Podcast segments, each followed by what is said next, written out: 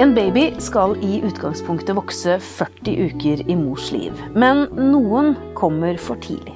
Veldig tidlig. I Norge forsøker man å redde babyer etter uke 23, den såkalte levedyktighetsgrensen. Men hvordan går det med disse barna? Premature babyer er tema i denne episoden av Babyverdens podkast. Jeg heter Karine Næss Frafjord og er på besøk hos eh, seksjonsoverlege Siren Rettedal på nyfødtintensiven ved Stavanger universitetssykehus. Og Siren, du tar imot du, eh, barn som blir født veldig, veldig tidlig? Ja, i Norge så har man blitt enige om at man behandler aktivt barn som er født fra uke 23 Eh, man kan vurdere individuelt i uke 23-24, litt etter hva foreldrene ønsker. Hvordan er det jeg må bare spørre om det, å ta imot et barn som ennå ikke er helt ferdig utvikla? Det er så bitte, bitte lite.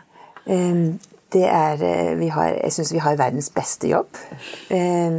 Vi blir enige med foreldrene om når det er riktig å tilby aktiv behandling eller ikke. Og hvis vi først har bestemt oss for det, så gjør man alt man kan.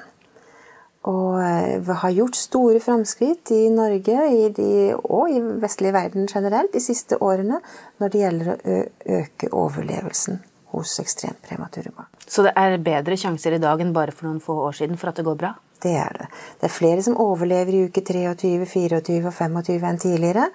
Det der man ikke har gjort så store framskritt, det er i om de får senskader eller ikke hvis de er født for tidlig. Ja. Vi skal snakke litt mer om det etterpå. Men først, hvorfor er det sånn at noen barn blir, eh, eller vil tidligere ut, bli født eh, premature? Det vet man ikke helt. Eh, mange av disse, der er det en uforklarlig årsak. Det skjer spontant av seg sjøl, enten ved at mor får premature rier, eller at hun får vannavgang. Noen ganger får hun høyt blodtrykk, som man er nødt til å forløse på mors indikasjon. Eh, andre ganger så kan det være en økt risiko fordi at det er tvillinger eller trillingsvangerskap. Eh, det kan være at eh, mor har en kort livmorhals. Det kan være at mor får en infeksjon. Det siste er en vanlig årsak til at man går i for tidlig fødsel. Så det kan være både ting man vet om, men ting som også kommer veldig veldig plutselig? da? Stemmer. Ja. Kommer ofte overraskende på mødrene og fedrene at mor går i for tidlig fødsel. Men er det noe man kan risikere, nei, minimere eh, i forhold til disse risikofaktorene? Er det noe man kan gjøre selv? Nei, generelt så gjelder det å ha en god helse og ikke røyke. For røyk er faktisk en eh, Det er en av risikofaktorene. Ja. Er det fortsatt mange gravide som røyker? Det er fortsatt noen gravide som røyker. Okay. Um, men så var det dette med den der tydelige grensen da, som vi snakker om, denne levedyktighetsgrensen som er mellom uke 22 og 23. Og det er jo faktisk sånn at dere kan, altså dere kan uh, redde den ene dagen, men ikke i går. Uh, for at den grensen er ganske tydelig på uke 23, er det ikke sånn? Det er veldig vanskelig å sette en grense et eller annet sted, men samtidig så må den grensen settes. I Norge så er man relativt liberale når man setter behandlingsgrensen ved 23 uker. Noen land har valgt å behandle først ved uke 24 eller 25. Nettopp fordi at man ser at mange av disse barna får noen form for seinskader. Mm. Eh, noen land, sånn som i hvert fall, eller enkeltavdeling i hvert fall i Sverige, de behandler aktivt fra uke 22. Men overlevelsen da er lav, og seinskaden, forekomsten, er stor. Mm.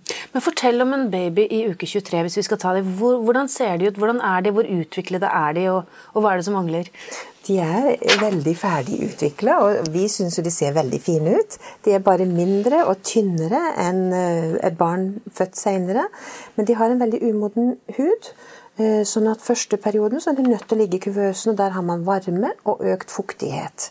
For at de ikke skal tape for mye væske over den tynne huden sin. Mm. Men det er bitte, bitte, bitte små babyer? Det er bitte små babyer, rundt 500 gram. De minste rundt 23 uker. Men så er det jo sånn at etter 23 eh, uker, mot 24, 25 og 26 osv. oppover, så øker jo da sannsynligheten for at dette skal gå bra fra dag til dag. Eh, kan du si litt mer om det? Ja, i dag så overlever rundt 60% av barn som er innlagt i nyfødtintensivavdelinger i uke 23, og rundt 70% av barn som er født i uke 24. Så tallene har blitt mye høyere, og det er nok dels fordi man aktivt prøver å optimalisere behandlingen så godt man kan i hvert tilfelle. Så er det heller sånn at hvis det kommer store komplikasjoner, f.eks.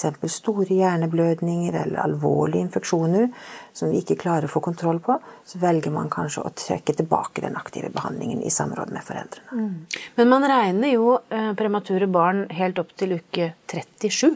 Det stemmer. Ja, eh, Så hvordan på en måte differensiere da mellom de eh, For det er ganske stort spenn mellom uke 23 og uke 37? Det er en enorm forskjell. Så man kaller de som er født før uke 28, ekstremt premature. Eh, men de som har de største risikoen for død og, og senskader, det er de som er født før uke 26. Og så kaller man de svært premature, de som er født før uke 32. Og mellom uke 32 til 37 så er de moderate eller lett premature. Mm. Men hva gjør dere konkret med de barna som blir født eh, for tidlig? Fordi, hva kan dere gjøre? De er jo så små. De minste prematurbarna de trenger eh, pustestøtte. Enten ved hjelp av respirator eller ved hjelp av noe vi kaller CPAP, der man blåser luften i lungene for å holde de utspilt. Og Da puster barnet sjøl, men det er lettere pustearbeid enn hvis de ikke får den støtten. Eh, I tillegg så trenger de ofte intravenøs næring i begynnelsen, for tarmen er for umoden til å ta til seg næring sjøl. Så da får de innlagt eh, intravenøse katetere, altså inn i de store blodårene, der man gir de mm, proteinene og fettet og sukkeret barnet trenger. Men er det sånn at eh, man bruker denne tiden på sykehuset i kuvøse da, til å modnes, rett og slett? Man bruker tiden til å holde temperaturen og til å modnes til man er stor nok til å legges utenfor kuvøsen i en seng. Ja. Men så er det i dag også blitt mer populært i mange avdelinger å legge barna mer hud mot hud.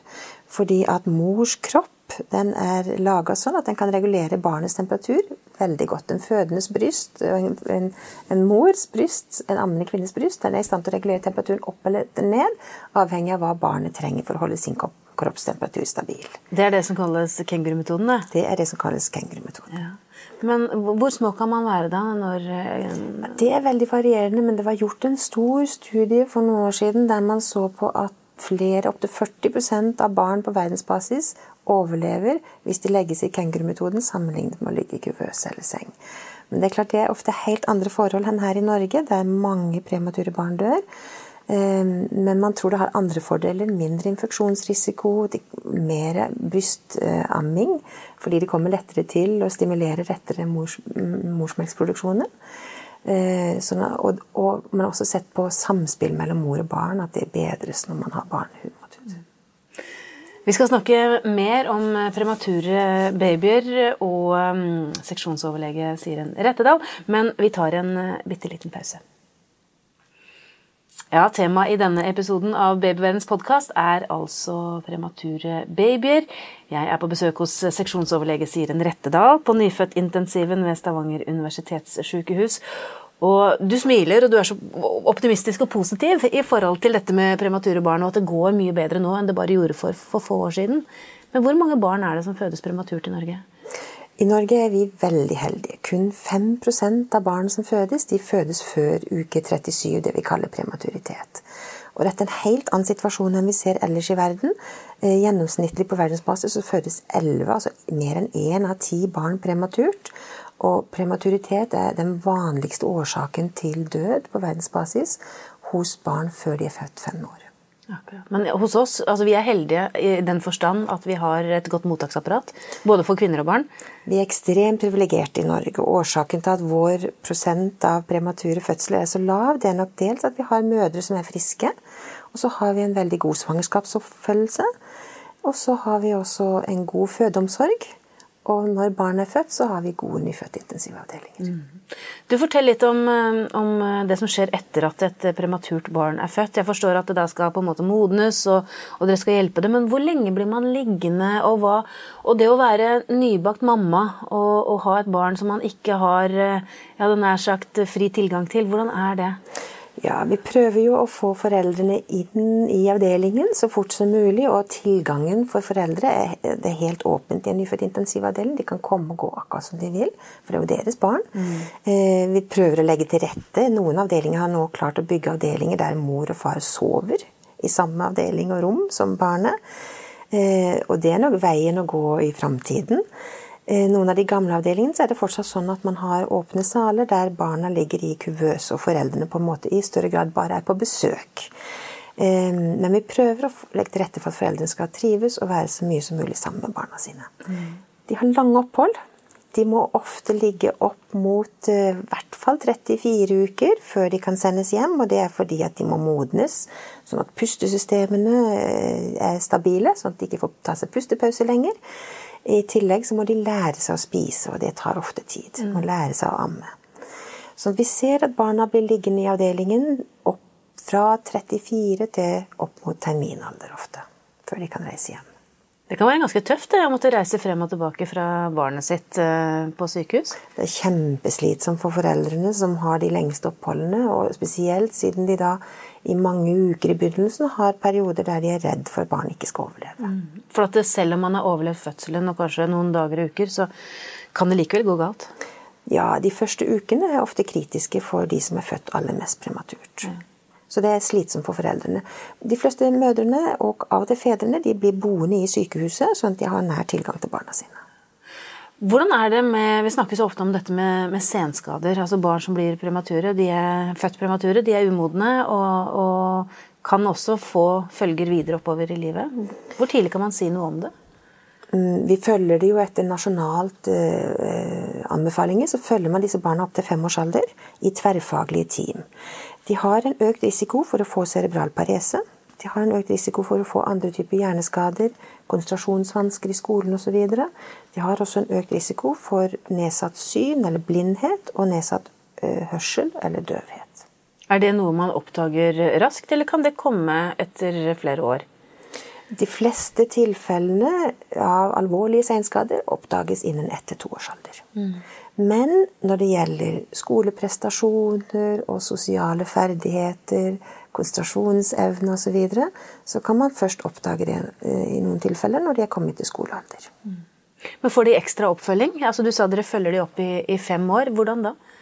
De har et, vi har et nasjonalt program for hvor tett de skal følges. Det er fem kontroller på barnepoliklinikker fram til femårsalder. Og så henviser de videre til hjelpeapparat hvis de oppdager avvik. Mm. Og noen barn får også spesiell oppfølging i eh, barnehager og, syk og, skole. Men hvor vanlig er det da at de får senskader? Er det noen som kan klare seg helt fint selv om de er født veldig tidlig? Ja, det er det som gjør det så vanskelig. Det er derfor man ikke vet om Det er derfor det er vanskelig å avgjøre om man skal satse aktivt fra uke 23 eller ikke. For noen som er født i uke 23, de kan klare seg å bli nærmest helt friske, mens andre kan få alvorlige senskader. Men vi kan ikke si på forhånd hvilket barn som vil havne i hvilket kategori. Ja, Det må være litt av et dilemma, da? Det er et kjempedilemma. Ja. Og Derfor er det viktig at foreldrene er med på den beslutningen, i hvert fall når de snakker om uke 23. Eh, der vi redegjør så godt vi kan for hvilken tallmateriale som foreligger, på hvordan det går med premature barn, og så tar vi sammen beslutningen. For det å sitte med det ansvaret og på en måte bestemme sitt eget barns liv eller død, det må jo være det vanskeligste valget man tar. Det er veldig vanskelig, og det er det ingen foreldre som tar lett på. Men ofte så kommer man til en enighet sammen. Og de fleste foreldre de ønsker å forsøke å behandle. Så er det heller ikke vanskelig hvis man ser at det oppstår store komplikasjoner som gjør at tilstanden er livstruende, og man ikke tror at barnet vil overleve til en noenlunde livskvalitet, så blir man som regel alltid også enige hvis man syns det er riktig å innstille aktiv behandling. Mm. Men hva tenker du, skal man redde for enhver pris hvis man ser at uh, dette barnet kan få store plager? Nei, det er vel stor enighet om at man må ha en viss livskvalitet hvis man skal tilby videre aktiv mm. behandling. Men så tilbake til det positive, da, den positive utviklingen vi har sett de siste årene. At det faktisk går bedre og bedre med barna som fødes veldig tidlig. Tror du det kommer til å fortsette? Jeg tror man når en kritisk grense, i hvert fall med den medisinske framskrittene som er gjort. Så har man ikke noe mer å tilby enn for noen år siden, bortsett fra at man har en mer proaktiv holdning. Så man gjør alt man kan for at de skal overleve. Og dermed så overlever også flere i dag enn bare for noen år siden. Men det er det at seinskadene har vi ikke klart å gjøre noe med. Vi har ikke klart å redusere antall premature barn som får senskader. Er det noe det forskes på eller jobbes videre med? Ja, vi prøver hele tida å forbedre tilbudet vi gir. Og, og, kanskje kan man komme noe steg videre ved mer familiesentrerte eh, avdelinger i framtida. Takk skal du ha, seksjonsoverlege Siren Rettedal ved Stavanger universitetssykehus. Hvis du lurer på mer om dette temaet, finner du mange artikler på babyverden.no og diskusjoner med andre i Babyverdens forum. Hvis du ikke allerede har lastet ned appen vår, Gravid og barn, så anbefaler jeg deg å gjøre det med en gang, så kan du følge utviklingen til barnet ditt dag for dag og uke for uke. Siden du er opptatt av graviditet og barn, kan det også være lurt å abonnere på Babyverdens podkast, så får du nye episoder automatisk hver uke. Det er også vi som lager podkastserien Gravid uke for uke. Den bør du også få med deg hvis du har barn i magen. Har du kommentarer eller et tema du ønsker at vi skal belyse, så kan du sende en e-post til podkast at babyverden.no. Men husk at vi som lager denne podkasten er journalister og ikke helsepersonell. Så hvis du har medisinske spørsmål, må du ta kontakt med jordmor eller fastlegen din. Ha det godt til vi høres igjen.